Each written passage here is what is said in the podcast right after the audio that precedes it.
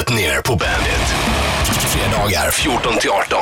Anarchy in the UK med eh, Sex Pistols, en mycket förkyld Magnus ner i Bandit-studion som varje fredag kommer att hålla på här fram till klockan 18, eller rättare sagt fusk idag. Det är tisdag när jag står i studion och spelar in. Det är lika bra att jag berättar det så ni vet. Det blir alltså inga lyssnarsamtal och ingen chatt och inga sms. Däremot kan man som vanligt eh, hålla på på Twitter, där kollar jag väl även fast jag är just i the UK. Ska jobba på fyra klubbar på en kväll på, på lördag, det vill säga imorgon när du lyssnar, vet fan hur det ska gå ihop sig eftersom tre av jobben är samtidigt. Men det får väl lösa sig på något sätt. Eh, under dagens program kommer vi ha minst en gäst, Soran Ismail är på ingång och eh, förmodligen två gäster. Vi kanske ska prata med Fredrik Federley också, riksdagsman för Centern, som har ett eh, program på en grannkanal här i huset, så att han är i en studio bredvid och när han är klar ska jag se om jag kan få nappa tag i honom och snacka lite sexköpslag, eh, lite FRA och lite annat som han har varit inblandad i senaste tiden. Vi får se hur det går med det, men det kommer i alla fall att bli Eh, Soran Ismail, om inte annat. Och sen ska vi såklart snacka om eh, knarkande barnprogramledare, vi ska prata om eh, nya hotell som är på gång, vi ska prata om FARC-gerillans eh, knarkaffärer med svenska Stureplans profiler och massor av annat. Du lyssnar på en, som sagt, väldigt förkyld Magnus Bettner på Bandit. Men jag har fått mitt eh, penicillin så jag hoppas att det ska lösa frågan. Eh, Farkerillan ja, det är en eh, svensk Stureplansprofil som är i farten. I vanliga fall innebär ju det alltså att man tillsammans med hundratusen andra finns på en mingelbild på finest.se. Men den här är tydligen också någon slags krögare. Eh, han har i alla fall åkt dit för att han har försökt byta automatvapen mot knark hos FARC-gerillan, som ju var lite i ropet för ett tag sedan. Inte så mycket nu för tiden kanske. FARC är den gerillarörelsen i Colombia i alla fall, som representerar fattiga bönder och eh, de kämpar för jordreformer, motsätter sig våld och tvång från regeringen och hatar allt vad USA heter. Och det gör man främst då med just våld och kidnappningar. Fin filosofi, byggd på dubbelmoral. Lite som den amerikanska motsvarigheten Land of the Free, kanske. Hur som helst, eh, man lyckades ju gripa Farcs Europachef för några veckor sedan. Eh, förstå att den här smutsiga rörelsen som låter framstående politiker skita i ett hörn i små handgjorda burar i den colombianska djungeln har en chef. Det borde väl vara en klassfråga för kommunisterna att ta tag i. Så fort man ska expandera verksamheten till väst så måste man eh, skänka sina medarbetare fina titlar. Den här chefen för Europadivisionen, han är alltså svensk. För att vara så långsint, vi får två mandatperioder tillägnade Alliansen och sossarna drar iväg på nya äventyr. Här har jag inget att hämta, beväpna mig, ge mig en titel så ska jag kolumbifiera Europa. Men det sjukaste är ju ändå att eh, gripandet kunde göras efter att man hittat hundratals e-mail i rebellledaren Raúl Reyes dator. Eh, han är död sedan 2008 tror jag, men Eh, man har alltså tydligen 3G-mottagning i den colombianska djungeln, men inte på tåget mellan Skövde och Göteborg. Där har vi någonting för SJ att jobba med. Förstå vilket solcellsbatteri han måste ha haft på den här datorn. Men i alla fall, eh, polisen Luis Mendieta från Colombia, han eh, tvingades runt i djungeln i 11 år utan att kunna porrsurfa en enda gång. Eh, trots att det tydligen då fanns brist varken på dator eller internet. Han måste känna sig lite sådär när han får höra de här nyheterna. I alla fall, eh, när det här grundades, eh, FARC, då var det ju nära allierat med kommunistpartiet som i sin tur då hade starka band med Sovjet och det fanns någon slags ideologisk agenda. Idag så är FARC-gerillans huvudsyssla vid sidan om kidnappning och att sprida skräck, alltså kokain. Eh, allt från odling till försäljning eller bytesaffärer då med svenska Stureplansprofiler. Om ändå inte Sovjet hade kollapsat utan kunde styra upp kampen och välviljan. Hela FARC skulle få åka på arbetsläger. Fångarna skulle användas som marionetter och de mördade gerillaledarna skulle fått martyrstatus. Men nu är de alltså på något vis eh, knarkbytesaffärsgrejare. Eh, och i förra veckan kom det ut att den kanske mest kända av eh, FARC-gerillans alla fångar, Ingrid Betancourt, hennes bok kom ut på svenska. Hon är alltså politiker från Colombia med franska rötter och kidnappades 2002 som var hon fången i 2321 dagar innan hon fritogs då i juli 2008. Eh, det är såklart ett fruktansvärt öde och hennes styrka och allt det där måste ju varit helt fantastiskt. Men i hennes bok så skriver hon hur hon lämnade sin man när hon fritagits eftersom han hade varit otrogen. Hon var alltså frihetsberövad av en av världens mest kända och skräckenjagande grillor eh, som försörjer sig på kokain och kidnappningar är det inte då rätt rimligt att ens andra hälft kanske tar något snedsteg under de här 2321 dagarna när han inte riktigt vet om hon ens kommer att överleva. Är inte det lite hårt? Redogör för vad du egentligen gjorde nu, alla de här 2321 dagarna som jag satt i en djungelkoja och hade ingen som helst kontakt med omvärlden. Jag vet inte om inte det är lite väl hårt. Magnus Betnér i studion som varje fredag och eh, den här gången går det alltså inte att live-kommentera via hemsidan eftersom jag inte är i studion. Jag står och spelar in när det är tisdag. Men det går alltså att eh, kontakta mig ändå på Twitter om man skulle vilja eller mejla på hemsidan så får jag väl ta upp det i nästa program eftersom jag såklart är tillbaka på eh, fredag igen. Eh, det är sista programmet däremot nästa fredag för den här säsongen. Sen blir det en fortsättning till hösten igen.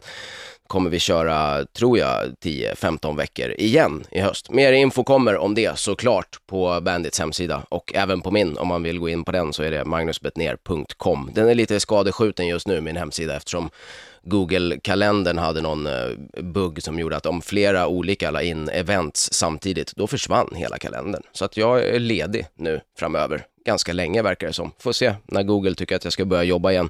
Ingen aning. Någon som inte ska jobba, det är ju eh, Ola Lindholm, eh, Knark-Ola. Han, han har blivit bortplockad nu från SVT. Eh, jag vet inte hur SVT tänker överhuvudtaget. De har väl förmodligen någon slags policy eh, likt amerikanska militärens Don't ask, don't tell.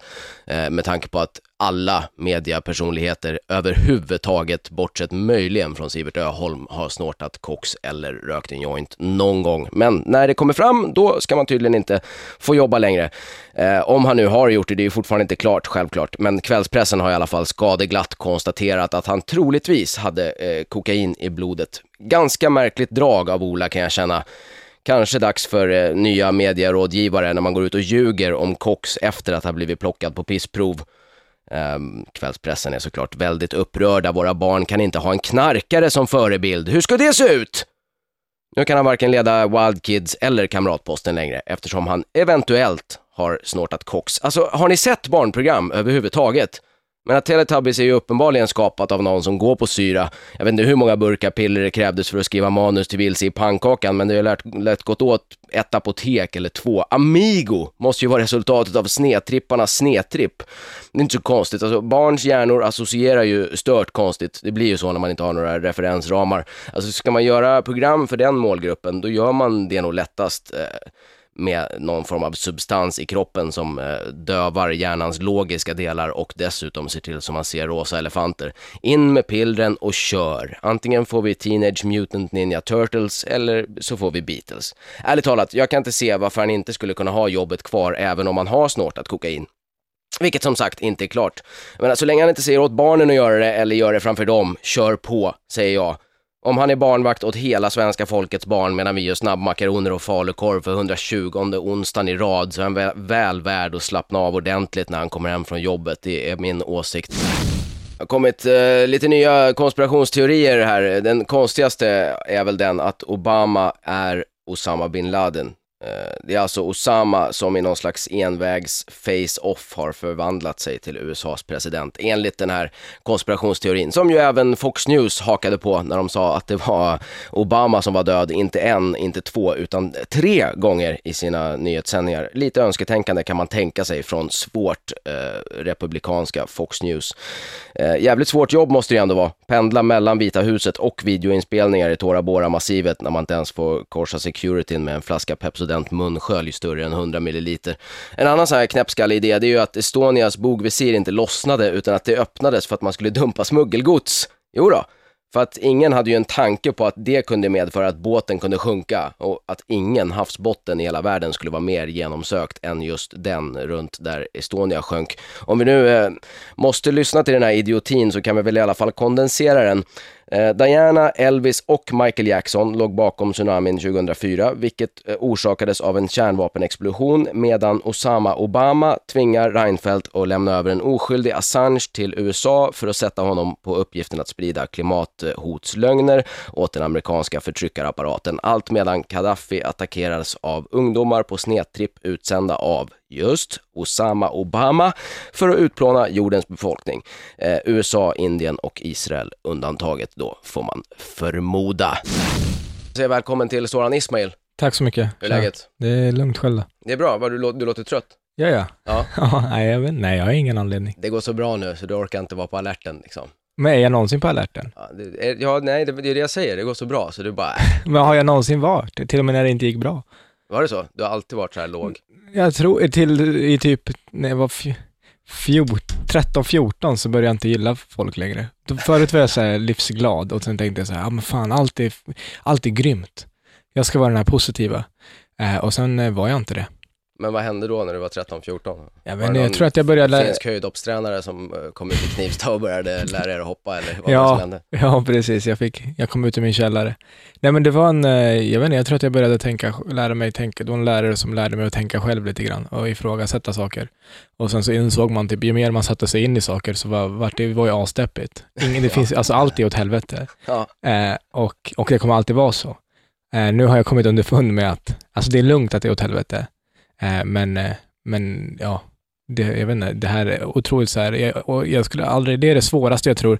Jag har fått börja skådespela nu. Och det är det svåraste, att, att låtsas vara, jag kan inte låtsas vara någon annan, men det är det svåraste att låtsas vara glad. Jag, kan vad, inte, vad, vad skådespelar du för något? jag vet inte om man får, någon serie som ska sändas i höst. Det är klart man får säga det. Nej, nu gör, man får, säg det nu. nu gör det så här, du Säg tror att jag är nu. Mårten. Jag är inte nu. Mårten. Det är den här med Robert Gustafsson va? Ja. Ja, exakt. Det fattar ju alla. Det är den enda serien som kommer produceras i höst Jo. eftersom all budget i all tv kommer Nej. gå till det. De spelar in The Office med Björn. Ja, men är inte Björn Gustafsson med i den då? Jo. Ja. Men Robert är med i den jag är med i. Jaha, De har delat två. upp sig. Det är två olika? Det är två Gustafsson. Ah, The det är Office så svårt att hålla skillnad på dem där. Ja, visst. Så du ska vara med i den ena med den ena Ja, jag har, Gustafsson? jag har en sån minimal roll och det är, det är kanon för mig för att det är bra. Skit, jag ser det som att det är en utbildning som eh, råkar gå i tv bara. Ja. För mig är det bara utbildning. Kjell Sundvall regisserar och så här. Det är skitbra. Får Ja. hoppas att de inte lyssnar på det här då. Så de kanske, kanske ångrar sig om de tänker att du ska komma och träna på deras jobb. Ja, men det har jag sagt till dem innan jag fick roll. Alltså att, att jag, jag är verkligen inte, det här är inte min grej. Jag, alltså jag gör det gärna, men, men eh, ni får ju säga till ifall det blir dåligt liksom. För jag vill inte men de trodde att det kunde bli bra. Eh, eller okej i alla fall. Bra är ett starkt ord. Men då, då har jag kommit fram till att det svåraste, jag kan låtsas, jag tror att jag kan låtsas gråta, låtsas vara ledsen att någon har dött. Vad som helst så kan man leva sig in i så här, ja men fan så skulle jag känna så hemåt, men så här du vet, en sån här euforisk glad människa som om din standup-rutin om dagisfröknar, typ så, som är lycklig. Bara, ja, vad kul.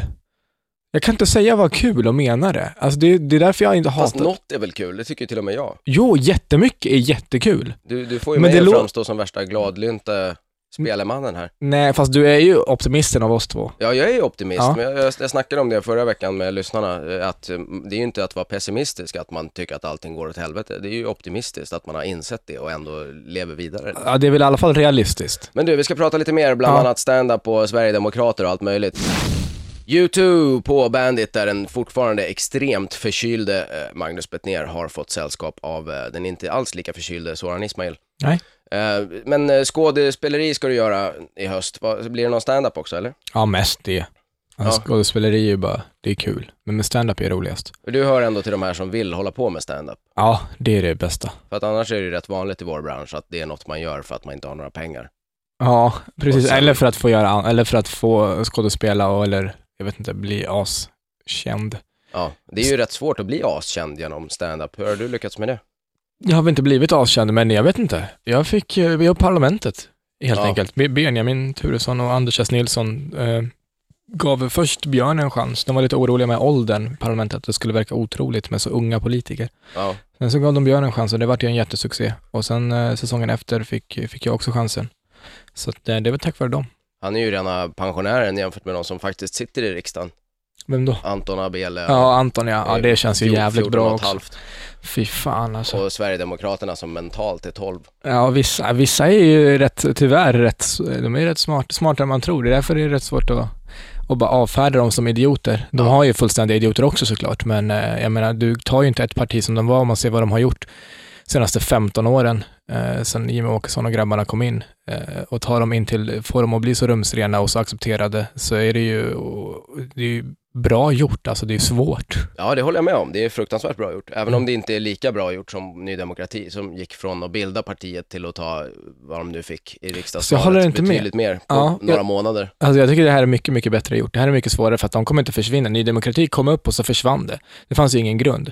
Det här, Nej, men jag det tror här att Ny Demokrati försvann nog för att de hade så mycket knäppskallar högt upp i sin organisation. Mm, det har ju SD också haft, men det har, ju- det har ju tagit sin tid liksom. Och de har ju fortfarande, det tar ju tid, men jag tror ingenting kan hända nu som skandal som skulle få dem att försvinna. Alltså om, så om Jimmy Åkesson fastnade, nu kommer det inte hända, men om han fastnades med liksom hakkors i pannan så skulle, eh, i värsta fall, så skulle han få försvinna. Men det finns det någon annan som eh, ta- tar över. Då hoppar Erik Alm- Almqvist in istället. Han De- skulle bara gå ut och säga att det var en tribute till Charles Manson kanske. Vi ska snacka mer om eh. Sverigedemokraterna alldeles snart. Megadeth på Bandit där Magnus Bettner pratar Sverigedemokraterna med Soran Ismail. För det har vi inte gjort i det här programmet. Nej precis, ja men det är ju så, man har sina hjärtefrågor, då kan man inte släppa dem. Nej, visst. Inte jag i alla fall. Nej, jag- du verkar ju vara lite förstår. lagd åt mitt håll.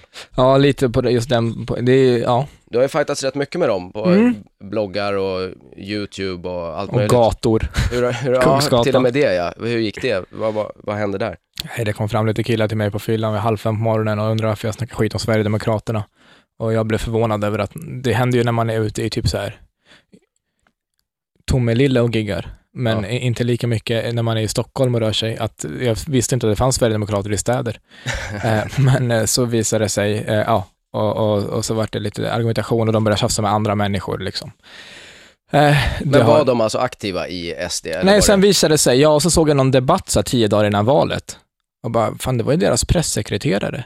Då var det Erik Almqvist, ordförande i SDU och pressekreterare eh, och även Kent Ekeroth, riksdagsledamot och sen Christian Westling som var riksdagskandidat, men han kom ju inte in. De har haft lite dåliga mediatränare kan man känna. Ja, men det Christian Westling var en av de här mediatränarna i den här dokumentären som Lena Sundström gjorde om dem. eh, eh, Så var han en av de som åkte ut till Gotland och skulle rekrytera.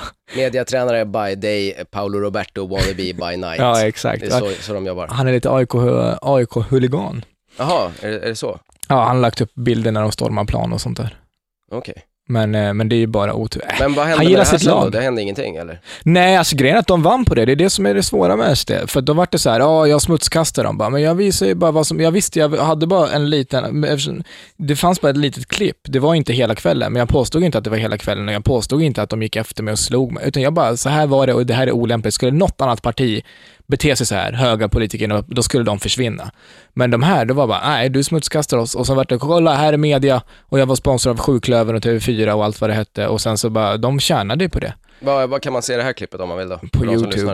På Eh, YouTube? Ja, jag har det. Och så har Erik Almqvist ett svar, ska vi säga, han, så att eftersom han inte här för- försvarar sig. Hans svar finns också på YouTube och mitt svar till hans svar finns där. Brukar du gå runt och filma dina kvällar när du är ute? Liksom? Nej, så var det verkligen inte. Det var de som filmade konstant. De stod och sa provocerande saker. Liksom. Så stod Erik Almqvist och sa något provocerande och sen tog Kent Ekeroth upp telefonen och ville väl att eh, få någon reaktion. Det vore, ingenting vore bättre för dem än om jag som har gett mig på dem, eh, argumentera mot dem, skulle liksom visa sig vara aggressiv eller någonting sånt. Eh, så, men, men jag stod med händerna bakom ryggen under i princip hela tiden för att inte det skulle framstå som hotfullt, men det fanns ju Du andra känns ju människor inte så jätteaggressivt lagd. Och framförallt om jag skulle vara det, så jag är byggd som en nioåring, så vad är problemet? Aggressiva nioåringar har väl aldrig... Ja, nej men det är jag inte heller. Men eh, så hade jag en vän med mig där och han, eh, han filmade lite. Och då filmade jag också eh, lite grann. Och det här kan man alltså se på YouTube. Vi ska prata mera med Soran Ismail, inte bara om Sverigedemokraterna utan även om andra grejer till att Typ börja med. Så, Nationaldemokraterna. ja, det kan vi också prata om. Pratar med Soran Ismail. Mm. Du, du, mm. Ja, du är så trött. Var, var du uppe sent igår eller? Ett, två som vanligt. Det det gick något bra barnprogram som du hade bandat. Barnprogrammet. Ja. Ja, exakt. Nej, men, eh, nej. Men, Men vad du, fan. du, du stand-up. Ja. Eh, du- Ska du ut på, du, det ryktas ju att du ska ut på en eh, stor turné. Mm, jag ska åka ut själv. Eller är det på- också hemligt? Nej, men inget är hemligt, fan skitsamma, jag vet inte. Eh, men du, i, i, jag var ute i, för, på universitet med en egen turné, en och en halv timme. Eh, för det är roligast att snacka själv och länge. Och, eh, och det gick jävligt bra, så jag ska ut igen på teatrar eh, själv i nästa vår. Det. Var kommer du åka då? I hela Sverige? Ja, det är 20 städer, så att, eh, jag vet inte, alla städer med över typ 50-60 000 invånare. Ja, fan vad bra. Och när Mm. drar det igång då? Vår? Februari, februari antar jag. Vem, ingen som lyssnar nu kommer ha koll på det ändå, så det du spelar ju fan ingen roll. De som lyssnar kan inte ens boka en biljett till något som händer samma dag. Och de som lyssnar nu är inte, de hatar mig. Nej då, det Nej. gör de inte. Hard rock. Alla, alla som Ja. lyssnar på Bandit älskar alla mina gäster. Mm, va- Och mig. ja, jag förstår Allt är det. bara fantastiskt. Åh vad nöjda de är. Ja. Åh vad bra Men det är musik. därför jag gillar de här lyssnarna ändå. Ja. Att, de inte är, att de inte är så jävla glada över allt. Du vet så här. Nej, jag älskar mina lyssnare. Ja. Fast Jo, men, ibland kan man ju känna att de är lite efterblivna. jo, men för det när kommer de in får lys- ringa in och sånt. Jo, men det kommer in lyssnare från andra kanaler, det är det. Ja, det är kanske är de som ringer in. Det Ja. kanske är så. Jag får be om ursäkt till alla eh, hardcore bandit-lyssnare att jag har skällt ut er när det ringer lyssnare som brukar lyssna på P4. Ja, precis. Eller typ så här energy. Ja, men de har ju förmodligen eh, ingen, eh, inga pengar på sitt kontantkort, de som lyssnar på Energy. Så de kan ju inte ringa in. Ja, men de, de använder någon sån här tjänst via nätet som man ringer gratis. De, allt är ju gratis för dem. Ja. Det, Men det, du, du gör ju också radio, Ja, fast, fast som ingen lyssnar på. ja, podcast ja. Ja, hur går det med det då? Det går skitbra. Vad heter den? Vad kan man lyssna på den? TS, TS Knas, den, antingen riketsal.se eller på iTunes. Eh, det är jag, Aron Flam och Petter Bristav. Jag bestämde mig för att jag ville snacka, det var kul med radio, men det är alldeles för sällan man får göra det och för mycket reklam och musik och saker emellan. Så. Att bero på det så ska vi ta en låt nu. Sen Ja. ska vi snacka mer om din eh, podcast. Här kommer Ebba Grön. Klockan är lite efter fyra på fredag eftermiddagen och som sagt är jag inte här. Så det är ingen idé att smsa och hålla på och livechatta och sånt den här veckan, utan det är förinspelat. Nästa vecka däremot, då blir det live med två gäster, precis som den här gången. Soran Ismail är ju här. Hej hej! Hej! Hej hej! Din podcast pratar vi om, som inte bara är din. Det är ju Aron Flam och Pet- Petter Bristav. Ja, precis. Och sen har ni någon gäst också då. Ja, en gäst varje gång och eh, jag bestämde, vi, jag tyckte jag ville göra radio som sagt. Eh, Eller jag vill snacka, det är kul att snacka skit bara. Ja. Eh, och eh, så får de som vill få lyssna på det, finns på iTunes eller på riketsal.se och sen har vi, jag bara gick till musikbörsen och frågade vad behöver man? Och så köpte jag det och sen är det uppställt i Petters vardagsrum och så har vi kört nu, det är 32 veckan i rad. Nästa vecka kommer Helena Sandklef, Jaha. som du är bekant med. Som även kommer hit faktiskt, Aha. nästa vecka. Shit vad hon radiohorar. Ja, ett där folk verkligen. lyssnar här och ett Ja. där folk inte lyssnar som kommer Ja. bli bättre. Jag kommer ha både henne och Fredrik Kronman känner du väl också? Ja, som har varit fan med intressant. och researchat på alla program. Så Ja, det- de båda ska få komma hit och snacka lite nästa vecka tänkte jag. Ja, den podden måste man ju lyssna på. Jag hade inte tänkt att berätta, men nu vet lyssnarna det. Ja, skitsamma. Redan nu. Ja, hon kommer till oss också i alla fall. Eh, och då blir det bättre eftersom att det är mindre reklam och mindre låtar. Ja, Eh, och mera snack. Och där får man snacka skit och, och, och, och avsluta sina resonemang. ja men det får man väl här med. Nej, men typ inte för Du, eh, nu ska vi ta en eh, låt. Jag tror vi ska spela live. Douchebag. Live eh, var det. Eh, Soran Ismail blev ju avbruten där av en låt, men nu är han tillbaka. Ja, ska Vad var det du sa? Nej, jag sa vilken bra... Kan vi inte spela en låt, sa jag. Ja, det gjorde vi ju, men du skrek något annat precis. Nej, men jag eh, frågade under den här råbåten bara. Ja, råbåten kan vi ju berätta om. Mm. Den ska, du, ska, du ska med alltså? Ja, Ja, det blev så. Det, kommer ju bli skitkul. Ja, Eh, när är det då? Det är 27 maj va? ja precis. Då Fredag kan, man åka, då kan man åka Finlandsbåt med oss. Mm, och, och se på stand-up, massa, massa stand-up och massa, massa fest efteråt.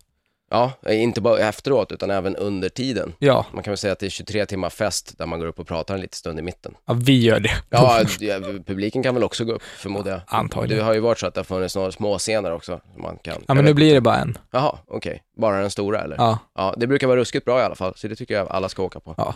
Men Eh, vad ska du göra mer eh, för stand-up nu då? Är det massa klubbar och sånt eller? ja, klubbar som vanligt ute i landet, åker till Göteborg här snart, där man är en gång i månaden känns det som. Eh, och sen eh, i sommar åker vi på Sunny Stand-up med Glans och Batra och vilka det nu är. Och konkurrerar med mig som åker på en annan turné. Du åker med alla stora namn.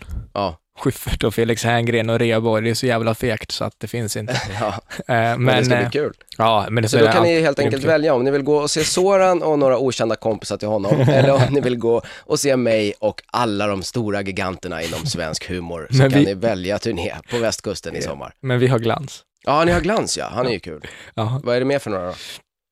Batra, Ös, Hasse, Järvheden, Mosse. jag vet inte. Du har sån entusiasm. Ja, men det, kan du är sälja saker? det gäller att sälja Kan nu. du sälja kom, så- kom nej, men- Sunny stand-up på en badort nära dig. Finns det något mer avskyvärt? Finns det något mer som, när man hör det, att man vill gå mindre, än när någon säger kom på det här? Nej.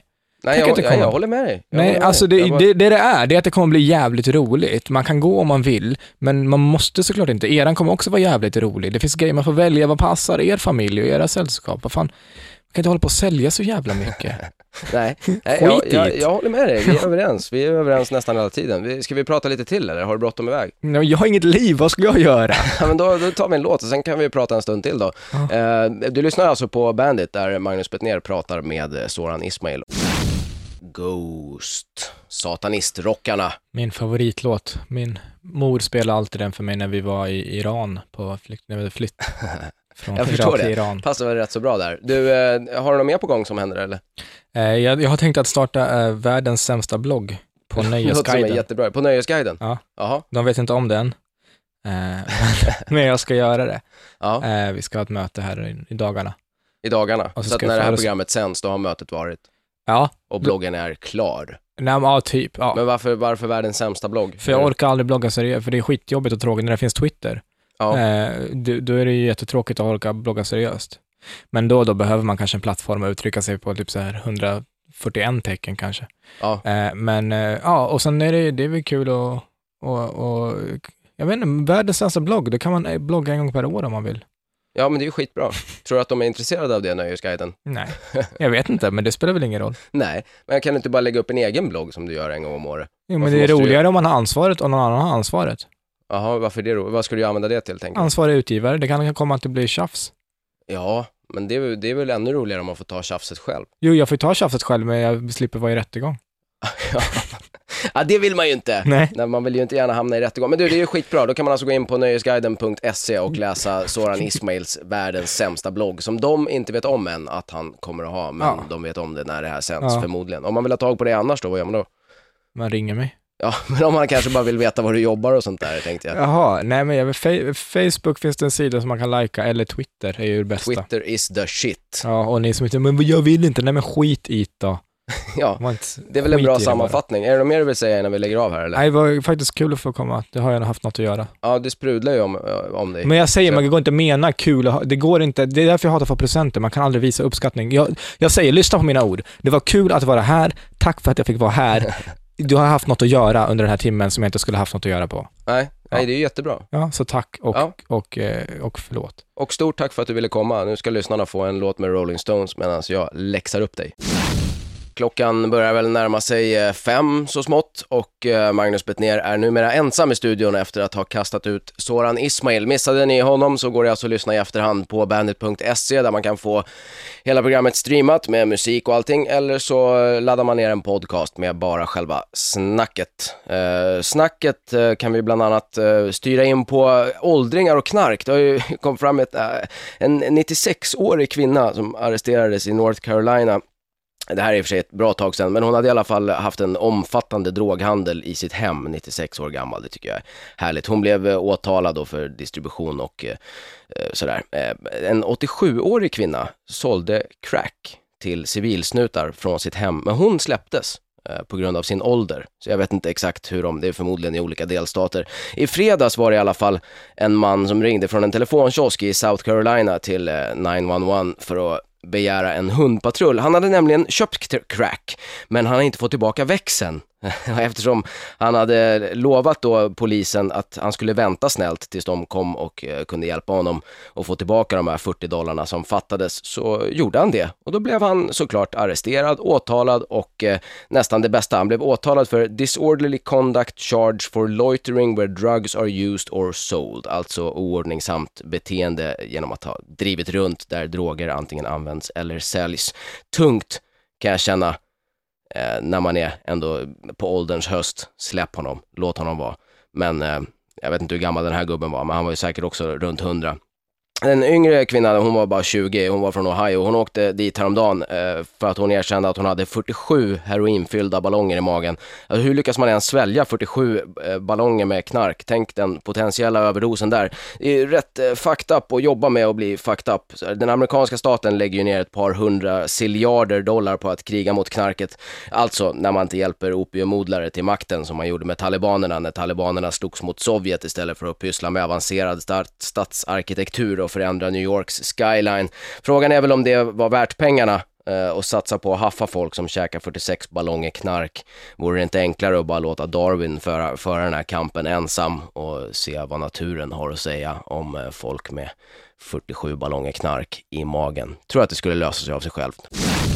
Jag har fått in en ny gäst, riksdagsman, numera radiopratare, Twitterprofil och allt möjligt. Jag säger välkommen till Fredrik Federley. Tack så mycket. Hur är läget? Jo men det är bra, jag klev precis ur mitt eget radioprogram och ska vidare göra en annan grej, så att det är på topp just nu. Ja, om man följer dig på Twitter så ser man ju att du jobbar ju jämt. Nästan jämt. Ja, knarkar du mycket? Inget alls. Inget, ingenting? Ingenting alls. Det blir Ja. jättestökigt. Jag har ju provat det en gång tidigare, det blev väldigt stökigt när jag berättade om det flera år efteråt. Ja. ja, men det är väl en av de grejerna man inte ska berätta i Sverige. Nej, men, så, men samtidigt får man en fråga av en journalist som jag fick då, Niklas Svensson, eh, så är det klart att man, då får man bestämma sig, ska man ljuga för en journalist eller inte? Och vad har man då anlagt för politisk kultur om det är så att man börjar ljuga för människor? Ja, det hedrar dig, annars är väl det någon man gärna Det förknippar var just, med... just den enkäten, det brukar vara väldigt hög eh, svarsfrekvens på Niklas enkäten, men den var det urdålig på. Ja. Plus att ungefär en tredjedel sa att det är en privat fråga, så vill de inte svara på. Man kan ju tänka sig att folk som jobbar 60, 70, jag vet inte hur många timmar du jobbar i veckan, att det är rätt vanligt ändå.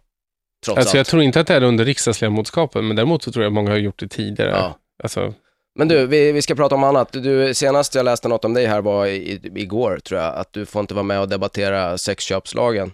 nu får jag det. Nu Du får jag det. Ja, Alltså det är så här, det, det var ju inte så att min gruppledare ringde och sa du är förbjuden att. För det kan man ju inte göra. Däremot när man då ringer som gruppledare och säger att eh, det vore si och så, så innebär ju det att man helst inte ska ta debatten. Eh, men tack vare att Expressen då följde mitt Twitterflöde och sen ringde upp om detta så, så får jag nu göra detta. Eh, sen återstår ju diskussioner om hur man sen får rösta och då kan man tänka att man får ju rösta precis hur man vill, men det måste ju gå att jobba i det där huset sen också för att din inställning är att sexköpslagen borde avskaffas. Ja, och det som ligger på bordet på eh, här, den här torsdagsdebatten och som sen ska omröstas, det innebär att man ska höja straffen ännu mer och jag tycker att man ska slopa sexköpslagen helt. Vill man hjälpa den som befinner sig i drogmissbruk och prostitution så är det ju drogmissbruket man ska eh, vända sig mot då. Eh, Eller är det så att man vill hjälpa någon ur eh, eh, ja, sexsäljandet om personen själv vill det, då är det kanske andra sociala saker man ska göra istället för att förbjuda marknaden, tvinga den under backen. Ja, det är inte nödvändigtvis så att alla som säljer sex använder droger heller. Eh, Definitivt Jag hade inte. ju en sexsäljare som gäst i mitt program för några veckor sedan. Hon var ju bland annat helt mot allt vad alla droger hette. Ja, Även- precis. även Och det finns ju Rose Alliance också som organiserar sexarbetare och det, det är dels prostituerade men det är också sådana som jobbar inom porrindustrin och det är sådana som eh, jo- jobbar till exempel med striptease och sådana saker. Och de eh, berättar ju alla vilket bemötande de får av sociala myndigheter ifall de har någonting som är stökigt. Då vill man ju ta, framförallt om de är kvinnor, vill man ju ta deras barn ifrån dem. Ja. Och vem söker då hjälp ifall man har klammeri? Det är ju inte en jäkla människa som vill utsätta sig för en situation där man av med sina ungar. Nej. Vi ska prata mer sexköpslag och eh, lite andra grejer du har varit ute i media och gjort alldeles strax. Du lyssnar på Bandit där Magnus Bettner pratar med Fredrik Federley. Sexköpslag pratar vi. Det pratar vi bland annat. Du vill att den ska avskaffas och ditt parti vill att straffen ska skärpas. Ja, det vill ju hela riksdagen, så att så som jag tror att det eh, blir i den här debatten så blir det ungefär alla mot mig. Hur känner du med det där? För att det är inte första gången som du går emot partilinjen. Eh, Du var ju rejält i blåsväder under hela den här debatten med FRA-lagen. Nej, alltså, eh, en del, har man, en del saker har man väl lärt sig. Dels har man väl lärt sig att man, man faktiskt inte dör även om det blir jäkligt jobbigt på, på jobbet. Ja. Eh, sen måste man ställa sig frågan varför har man engagerat sig politiskt? Jag ägnade ganska mycket tid häromkvällen åt att faktiskt fundera på det. För man ska ju inte slentrian vara riksdagsledamot utan nu ska man ju för, vara det för att man har någonting man faktiskt vill göra. Eh, och om det är så att man inte kan göra och driva de frågorna som man tycker är viktiga, då får man ju ställa sig frågan om det verkligen är det här man ska hålla på med. Eh, och då kom jag fram till att jag måste genomföra den här debatten. Man kan inte ta strid om precis varenda liten sak, eh, eller var, även om det kan vara stora frågor. Men här är en fråga som jag är en utav få som har drivit i det här landet och då kan jag inte sen sitta och rösta helt tvärt emot. Nej, men det fick du ändå lov att göra sen till slut på, när det gällde FRA. Ja, vad gäller FRA var inte det så himla enkelt. Därför Nej. att var, där kom det ju en rad justeringar. Eh, och det var ju de justeringarna som jag ett år tidigare hade framfört att de här måste vara. Så att jag blev ju lite gisslan av mina egna ord där också. Eh, om jag hade ad- ag- agerat annorlunda idag, ja, kanske, men jag vet inte riktigt ännu. Sen visade sig det ju i efterhand, kan man ju tycka lite sent, att det var ett par till som hoppade på ditt tåg när du hade hoppat av det. Så att om de hade gjort det lite tidigare så kanske FRA-lagen Ja, det första ett och ett halvt året var jag ju helt själv. Eh, då var det ju inte någon an- annars. Sen så kom var ju de där sista veckorna var ju Anne Johansson med mig. Eh, och Nej, sen, Jag tänkte mer efter när Camilla Lindberg och... Eh, Ja, de kom i det absolut sista någon. minuten, men då var ju allt så kaos. Man, eh, människor kanske tror att man sitter i en helt rationell värld framför datorn och resonerar eller på ett mötesrum och så fungerar det ju inte utan det rasar in så mycket sms, telefonsamtal. Det gick inte att ha koll på vad som hände i nyhetsflöde eller runt omkring en. Så att, ja, det var en otroligt rörig situation men man lärde sig väl något på det och nu ska vi utvärdera den där lagen till hösten att se vad det kommer fram till. Men kände du då, för det, du var ju, det var ett väldigt känslosamt tal som du höll där, jag satt i riksdagen eh, själv och lyssnade, eh, och kände du då att nej, jag skiter i det här nu, jag vill inte hålla på med partipolitik? Ja, ganska många gånger. För vad jag kände hände det var att man, man skulle absolut... Hade man med argument kunnat bemöta mig och jag hade förlorat argumenteringen så hade jag känt att det var helt okej. Jag har inget emot att förlora en debatt eh, om jag är den sämre eller säm- som argumenterar sämre. Däremot fanns det inga argument i den här debatten. Ingen kunde förklara varför vi skulle ha detta. Ingen kunde förklara vad det var som var viktigt med det, vad det skulle tjäna till eh, och, och hur man egentligen skulle kunna då, med de metoder man skulle få, kunna upprätthålla någon typ av eh, integritetsaspekt. Eh, och då är det inte så lätt att köpa det. Och då låter man partiförhandlingar eh, gå före vad ledamöterna tycker. Och det är ju väldigt ofta så det ser ut. Det är ju inte knutet till mitt parti. I mitt parti råkar det visa sig för att vi har några som hela tiden sticker ut. Men många av de andra partierna man fråga sig, tycker verkligen hela riksdagsgruppen alltid precis likadant? Ja. Och det är definitivt inte. Och det, är bara att de håller den debatten eh, inför Internt, om man böjer dörrar. sig innan. Men Tror du att det, Twitter gör, fyller en funktion där, att folk faktiskt når ut direkt till sina väljare på ett väldigt lätt sätt? Ja, jag hade ju eh, ungefär en timme samtal om det här med en massa olika människor på Twitter igår. Ja. Liksom, och fick lite olika perspektiv. Det tror jag var oerhört nyttigt. Du, eh, jag vill gärna snacka lite mer med dig, kan inte du komma tillbaka i höst när jag har eh, lite längre tid på mig att snacka? Kommer jättegärna tillbaka. Jättestort tack för att du kom hit. Toppen. Fredrik Federley var tvungen att spurta iväg till nästa grej, därför blev det lite kort inhopp med honom. Men som sagt hoppas på att få tillbaka honom till gäst, eh, som gäst eh, till eh, hösten när jag alltså kommer fortsätta köra på Bandit. Vi drar väl igång någon gång i september.